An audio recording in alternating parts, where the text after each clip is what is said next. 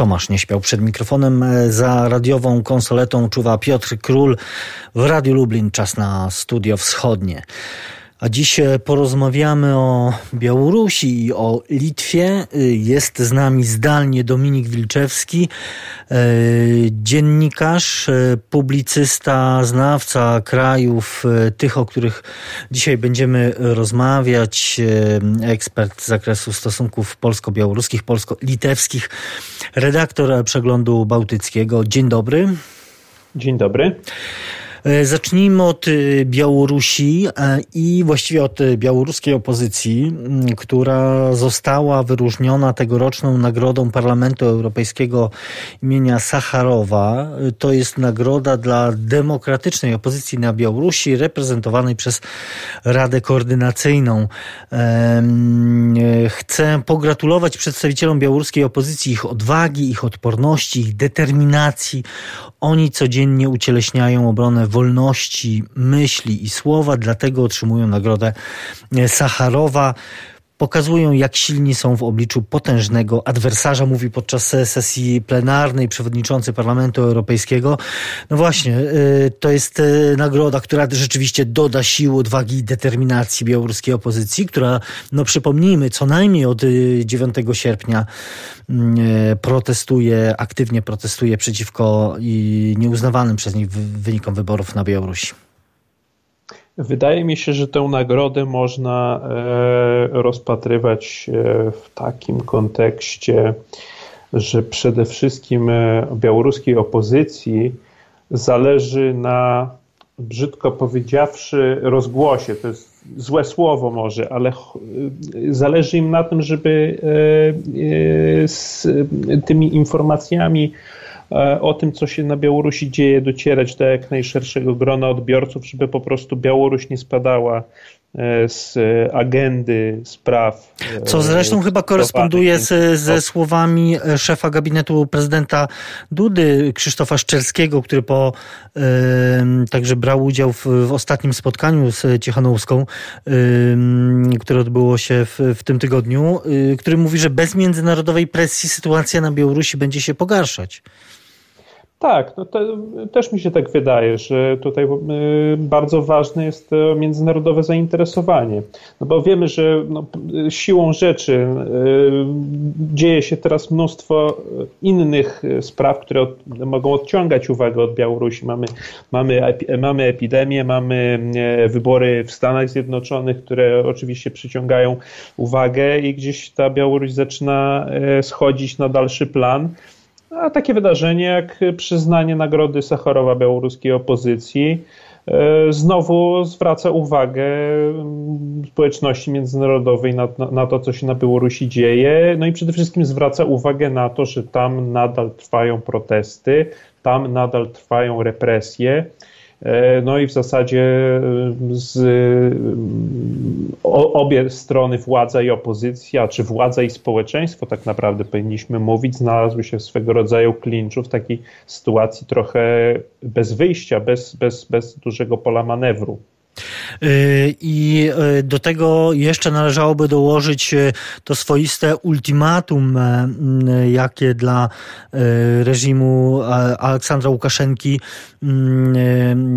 zapowiedziała, czy ustanowiła Światłana Ciechanowska, e, która e, zapowiedziała ogólnonarodowy strajk, mm, podała termin, to jest właśnie niedziela, dziś do końca dnia.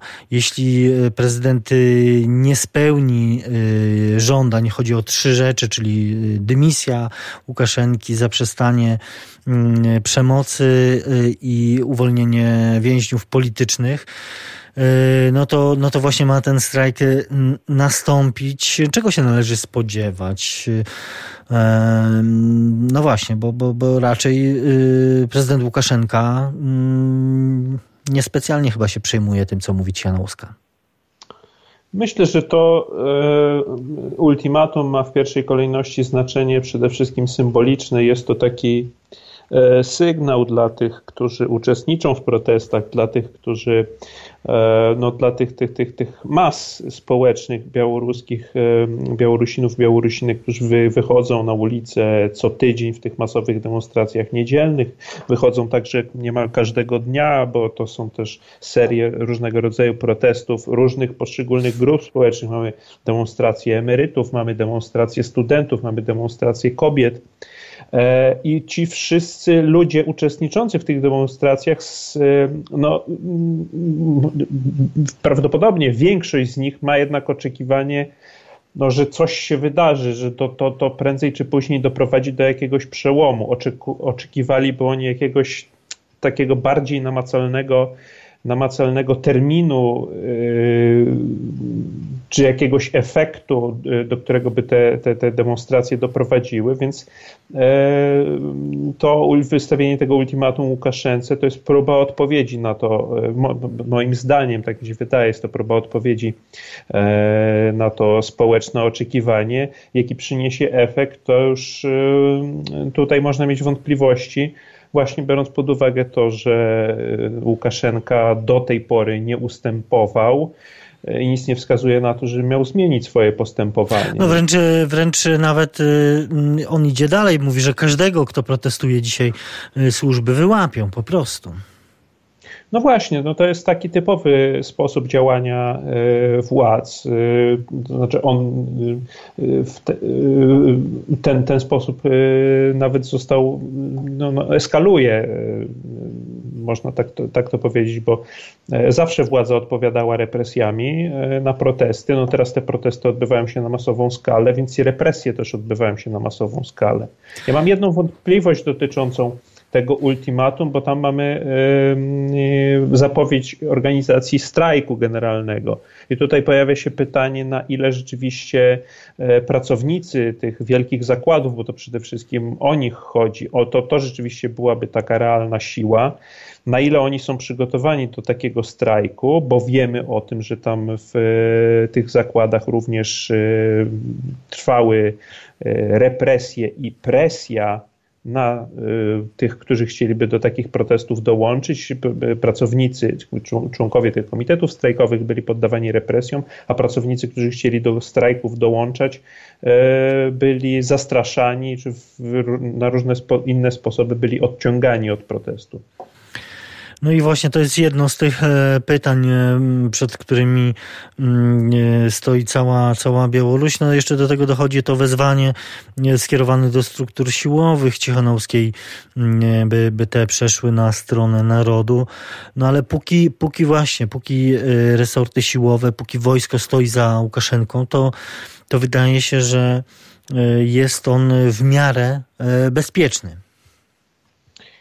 No bardzo trudno w ogóle w dotychczasowej historii tego rodzaju reżimów znaleźć takie przypadki, żeby, żeby wojsko i e, struktury siłowe e, tak łatwo przeszły e, na stronę narodu. To bardzo, bardzo patetycznie i bardzo pięknie brzmi, natomiast w praktyce jest bardzo trudne do wykonania, bo no, te służby wraz z, wraz z upadkiem Łukaszenki te służby również mają bardzo dużo do stracenia. I to, że e, z taką zaciętością, zajadłością milicja, OMON, e, KGB e, białoruskie prowadzi represje, prześladowania przeciwko uczestnikom demonstracji, że z taką zajadłością no, i przemocą od, od, odpowiada się na pokojowe demonstracje, no to pokazuje, że, że mm, oni nie tylko, nie tylko bronią samego Łukaszenki, ale też wydaje mi się, że bronią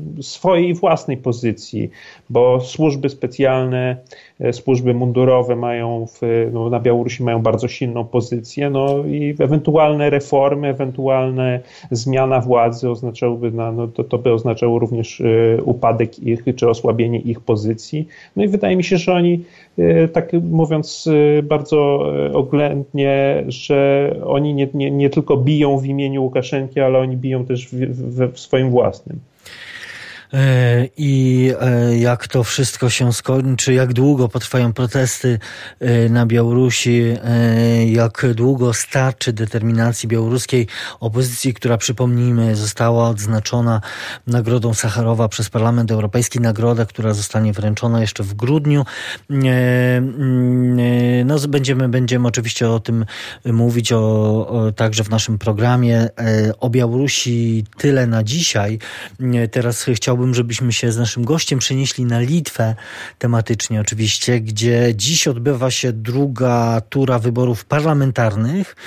E, pierwsza e, tura sprzed dwóch tygodni, 11 października, no przyniosła pewne zaskoczenie, no ale, ale też e, czekamy na to ostateczne rozstrzygnięcie, ale zacznijmy od tego, ten wątek, co wiemy po pierwszej turze wyborów parlamentarnych na Litwie.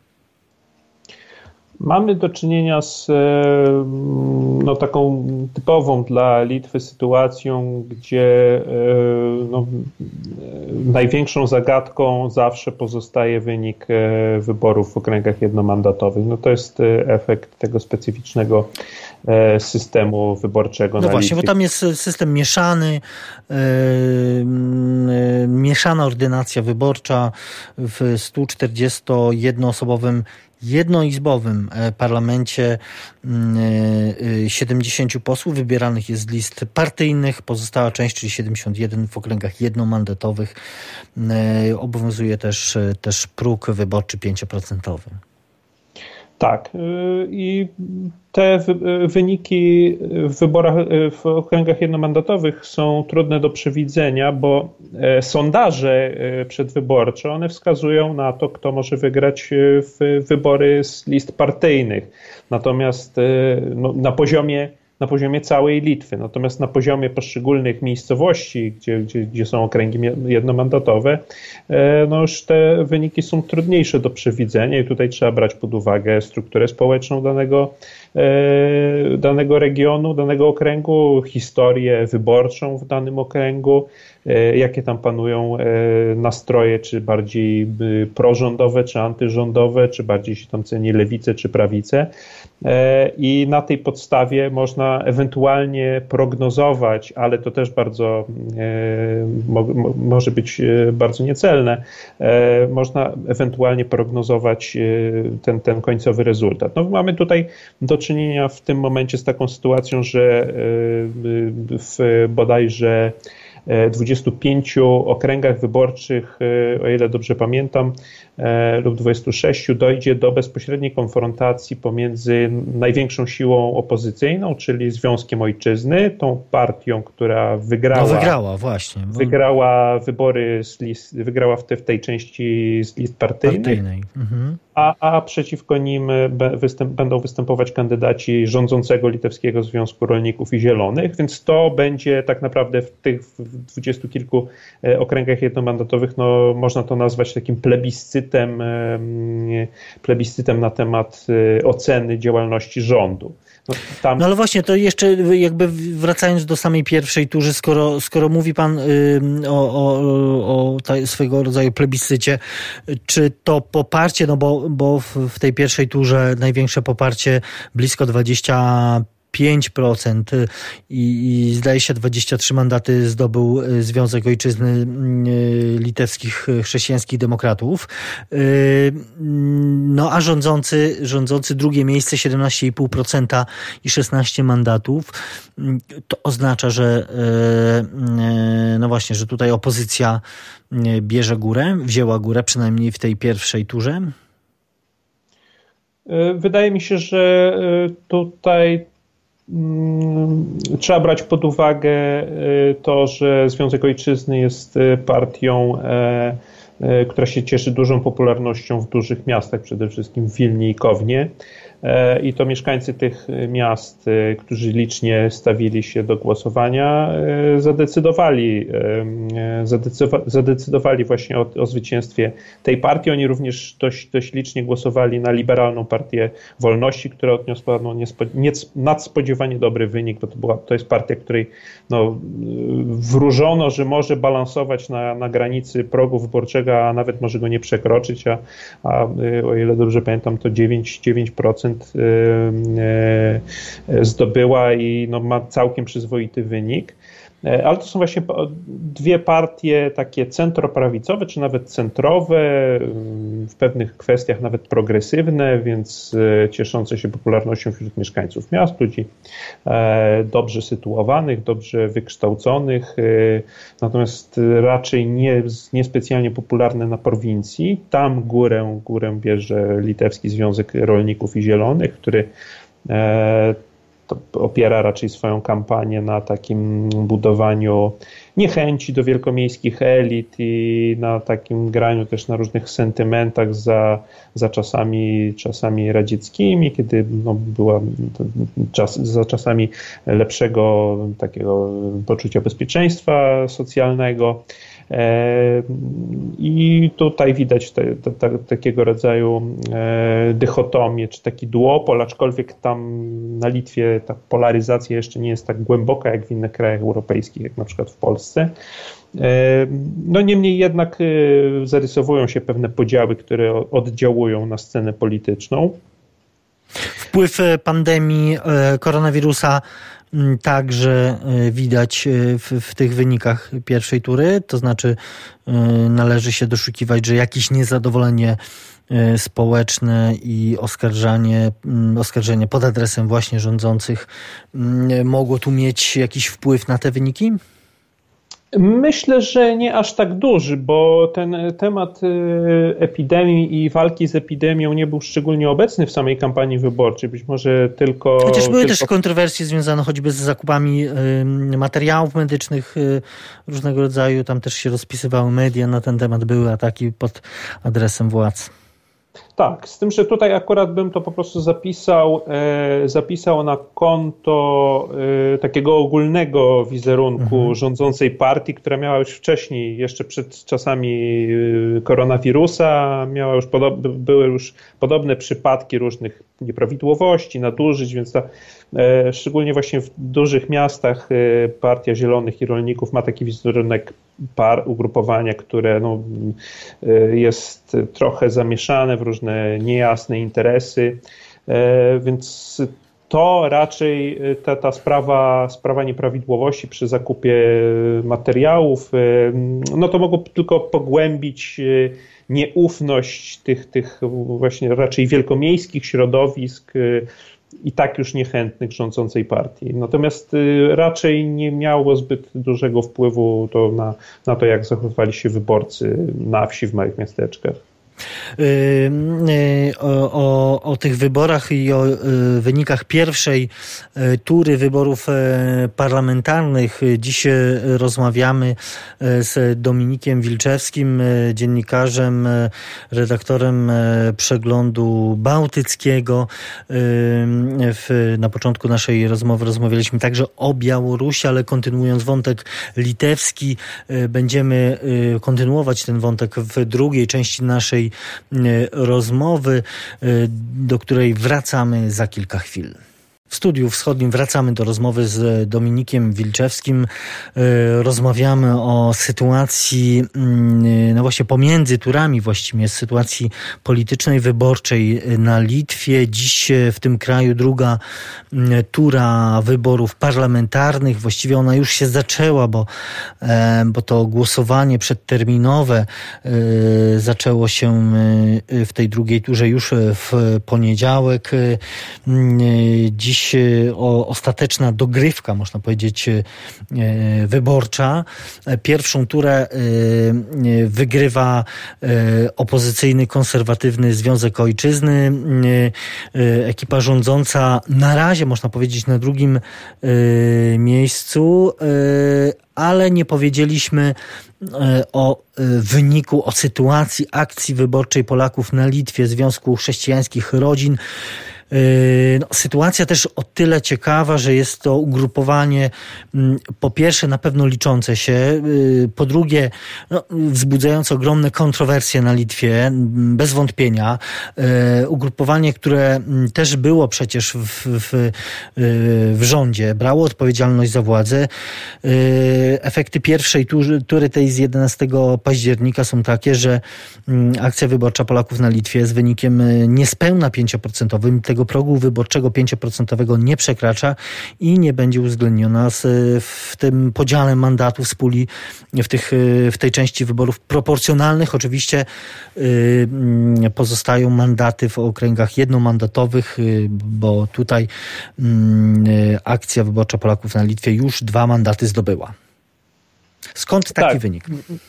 No, y tu trwają różnego rodzaju spekulacje y, co do tego, co wpłynęło na to, że y, no w zasadzie akcja wyborcza Polaków na Litwie, y, Związek Chrześcijańskich Rodzin poniósł porażkę, no bo dla partii, która przekraczała dwukrotnie w poprzednich wyborach próg wyborczy, to no, nieprzekroczenie progu jest, jest porażką mimo tego, że, że media polskie na Litwie związane z AWPL-em e, próbują przedstawiać to jednak jako, jako zwycięstwo, no to niemniej jednak e, jest to, jest to przegrana dosyć dotkliwa, bo oznacza uszczuplenie, poważne uszczuplenie liczby, liczby mandatów. Wcześniej to było ośmiu posłów w Sejmie poprzedniej, koń, kończącej się kadencji.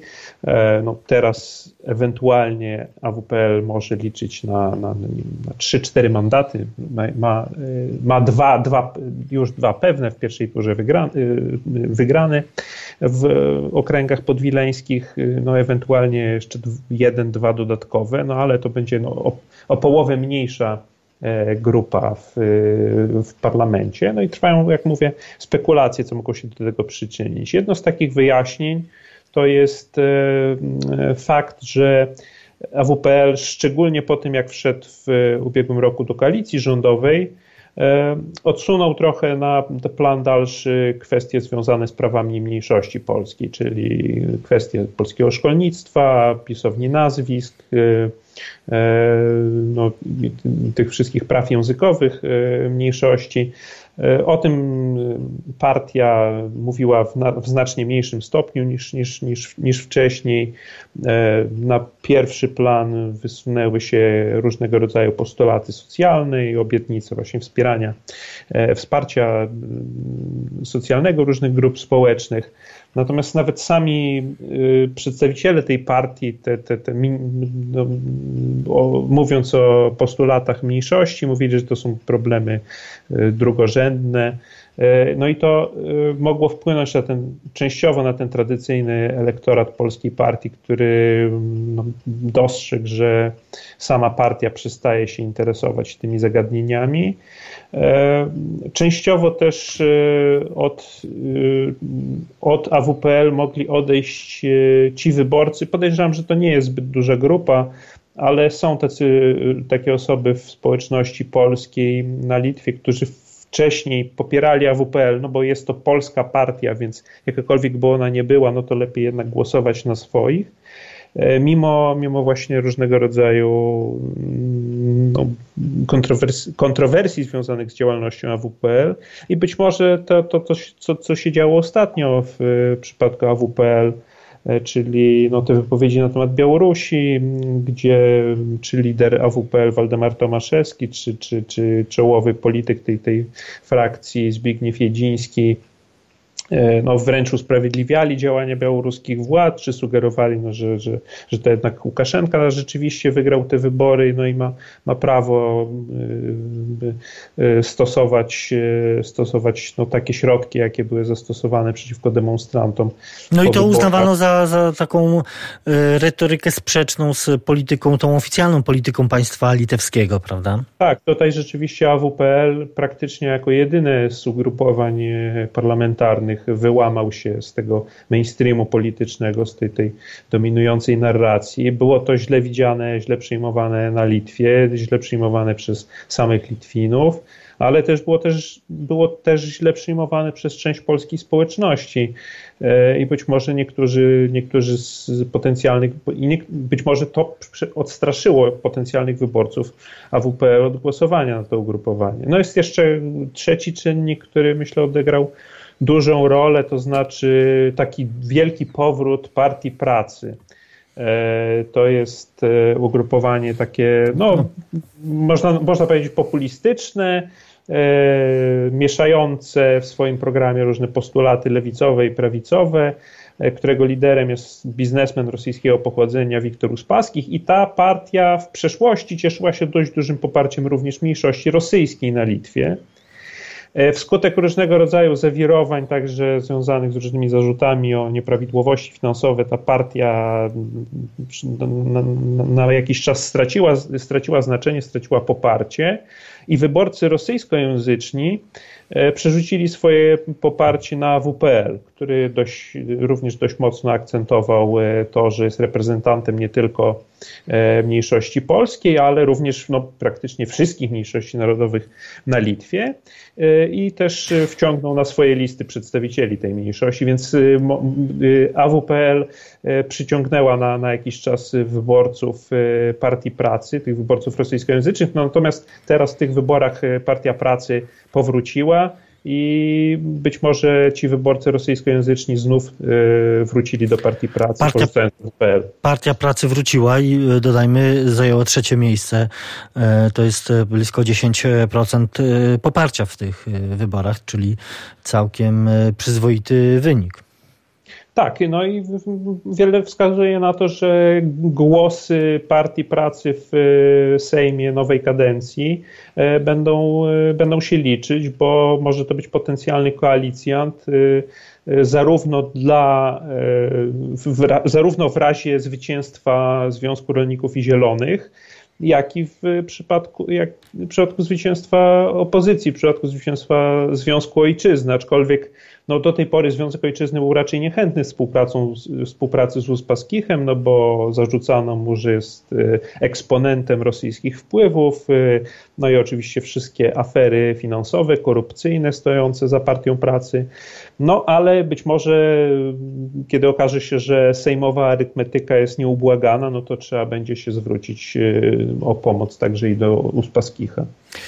Jeszcze wracając do AWPL-u, to myślę, że warto odnotować też e, fakt, że mm, po tej pierwszej turze e, akcja wyborcza Polaków na Litwie zwróciła się do, do Głównej Komisji Wyborczej o unieważnienie wyników wyborów mm, parlamentarnych właśnie w tej mm, pierwszej turze z tej części proporcjonalnej. To była taka czy próba ratowania twarzy przez Waldemara Tomaszewskiego, przewodniczącego AWPL-u? Wydaje mi się, że tak. No i też y, no, po raz kolejny y, Tomaszewski próbuje y, no, stawiać się w kontrze do litewskiego mainstreamu, więc no, to też należy rozpatrywać jako taki gest pokazania, no, że on nie ufa tym, tym nie do końca ufa tym litewskim instytucjom, że no, jest jakiś wiem, spisek y, przeciwko AWPL-owi, spisek litewskich elit, y, że chodzi o to, żeby ich, ich wypchnąć z parlamentu. E, no, choć oczywiście no, jest to pełne prawo takiego ugrupowania występować z, takimi, z takiego rodzaju skargami. E, no, i, i te skargi są zgodnie z obowiązującymi procedurami rozpatrywane. No, natomiast y, zwracałbym również uwagę na ten kontekst takiego e, stawiania się w roli takiego ugrupowania antyestablishmentowego i grania na takich nastrojach, e, e, no, że właśnie no, jest jakaś, jakiś spisek, żeby AWPL, żeby ograniczyć wpływy AWPL w litewskiej polityce i że być może nawet doszło do jakichś machinacji wyborczych, żeby, e, żeby do tego doprowadzić. No tutaj przede wszystkim chodziło o taką kampanię, którą prowadził jeden z litewskich dziennikarzy, prezenterów telewizyjnych. Tapinas. Andrzej Stapinas, dosyć popularny, ale też dosyć kontrowersyjny dziennikarz. Akcja pod hasłem Pożegnanie z Voldemortem. Voldemort, no postać z Harry'ego Pottera, ale jasne nawiązanie do imienia lidera akcji wyborczej Polaków na Litwie. Yy, tak, to, to te wewnętrzne problemy yy, polskiej partii yy, na Litwie. Jeszcze dopytam w tej kwestii, czy, czy w takim razie należy się spodziewać, że po tych wyborach będą jakieś rozliczenia, coś się może zmienić w kierownictwie tego ugrupowania? No, Waldemar Tomaszewski już zapowiedział, że podda się ocenie swojego ugrupowania, natomiast wydaje mi się, że jest to taki gest raczej czysto symboliczny, bo no, e, sam Tomaszewski i ludzie z nim związani kontrolują partię całkowicie i raczej nie widzę tutaj możliwości, żeby doszło do jakichś zmian na stanowiskach e, kierowniczych. E, no, Tomaszewski nawet mógłby zrezygnować i mógłby odejść ze stanowiska prezesa, ale sprawowałby nadal faktyczną kontrolę nad partią, więc tutaj ja żadnych zmian raczej nie przewiduję.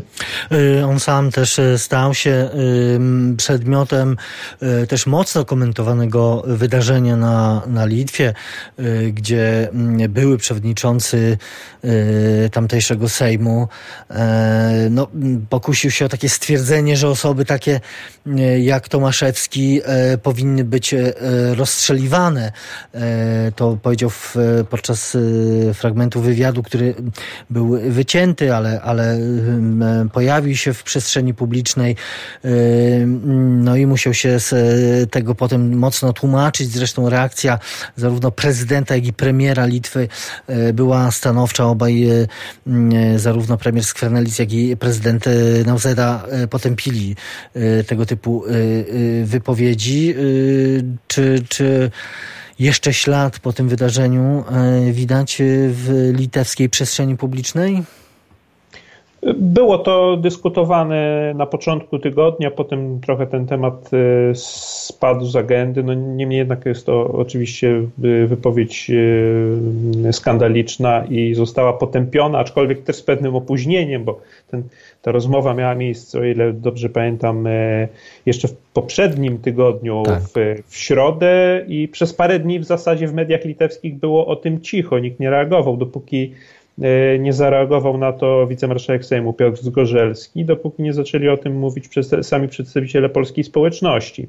Kiedy to do, dopiero zostało, wtedy mm, zostało nagłośnione, to pojawiły się reakcje litewskich polityków i litewskich mediów e, no dość, e, dość stanowcze, tak jak właśnie w przypadku prezydenta i premiera.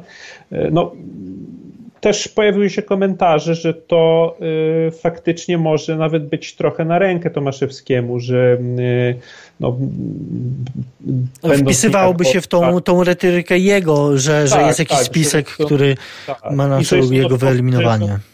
Tak, że są ofiarą litewskich elit, które właśnie po, pozwalają sobie na takie e, wypowiedzi. Być może częściowo nawet to dzisiaj, w dzisiejszym głosowaniu, być może to znajdzie jakieś, e, jakieś ujście, być może uda się dzięki temu zmobilizować część wyborców e, AWPL. No, jak będzie, zobaczymy, ale na pewno, na pewno to, to, to, to mocno na, na, na jakiś czas popsuło klimat polityczny na Litwie.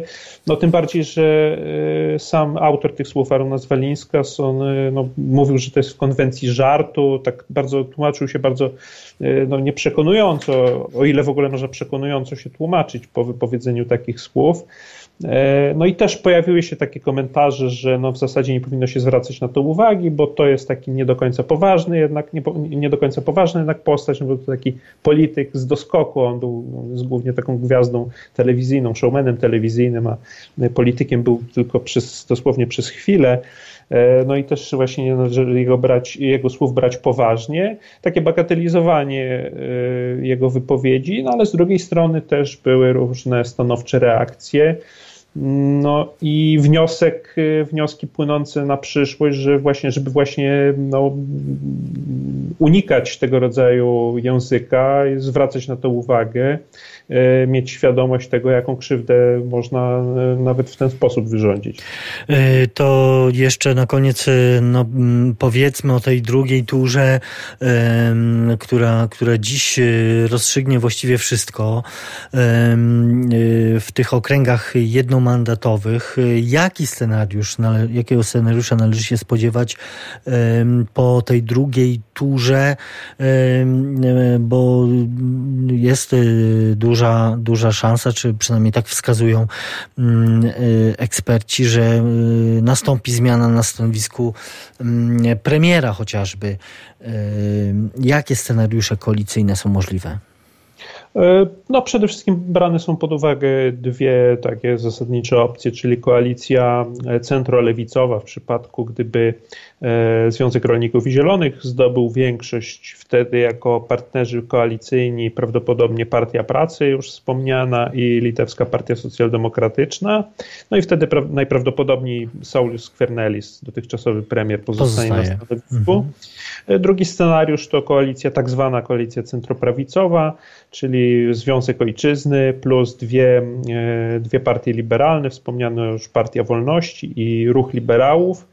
No i ewentualnie, gdyby się okazało, że no, w którejś z tych układanek e, brakuje głosów, no to ewentualnie będzie się sięgać, no na przykład może e, taką partią obrotową może się okazać, tak jak mówiłem, Partia Pracy, no być może te, też te głosy, te, te parę głosów AWPL-u może się okazać przydatne do budowania tej koalicji e, Związku Rolników i Zielonych, bo to też te partie współpracowały dotąd w koalicji rządowej. To są te zasadnicze scenariusze. No i oczywiście w przypadku koalicji prawi, centroprawicowej taką E, pierwszą e, osobą, kandydatką na stanowisko premiera jest Ingrida Shimonite, wystawiona właśnie przez Związek Ojczyzny jako kandydatka. To jest, to jest ta, ta polityk, która zresztą ubiegała się o stanowisko prezydenta Litwy w wyborach prezydenckich właśnie, prawda? Tak, z całkiem niezłym wynikiem, no bo jednak jedna trzecia głosów, aczkolwiek ostatecznie, ostatecznie przegrała z Gitanasem Nausedą, ale pokazała, że, że E, Związek Ojczyzny no, nadal ma duży polityczny potencjał i ona sama jako też jako człowiek, który wszedł do polityki ze świata, e, no, z, z, z, sektora, z sektora państwowego, ale z sektora urzędniczego, bo ona była e, przez długie lata była pracownikiem Ministerstwa Finansów. Nie była działaczem partyjnym, ale on też pokazała, sama pokazała, że ma potencjał jako polityk, jako lider polityczny. E, no i to też, jeżeli ona zostanie premierem, to może być ciekawe, e, ciekawe rozwiązanie dla Litwy, jak e, osoba, która była ministrem finansów w czasie kryzysu ekonomicznego w latach 2009-2010, jak poradzi sobie na stanowisku premiera w czasie kryzysu związanego z pandemią. E, to te, te, pytania, które stoją przed litewską polityką, przed rządzącymi, e, odpowiedzi pierwsze pewnie w, poznamy w, w poniedziałek, kiedy komisja wyborcza, główna komisja wyborcza poda te pierwsze wyniki i zacznie się jedno wielkie E, liczenie. E, będziemy także i do tego tematu e, wracać i analizować te ostateczne wyniki mm, wyborów parlamentarnych na Litwie. Za tę pierwszą porcję analizy i komentarza dotyczącego właśnie mm, tych wstępnych pierwszych z pierwszej tury wyników bardzo dziękuję naszemu gościowi. Dominik Wilczewski był z nami redaktor przeglądu bałtyckiego, ekspert z zakresu stosunków polsko-litewskich, polsko-białoruskich, znawca problematyki tych krajów właśnie. Bardzo dziękuję za rozmowę. Dziękuję również. W naszym programie to wszystko na dzisiaj. Studio Wschodnie wraca na antenę Radia Lublin za tydzień. Do usłyszenia w następną niedzielę po godzinie 14.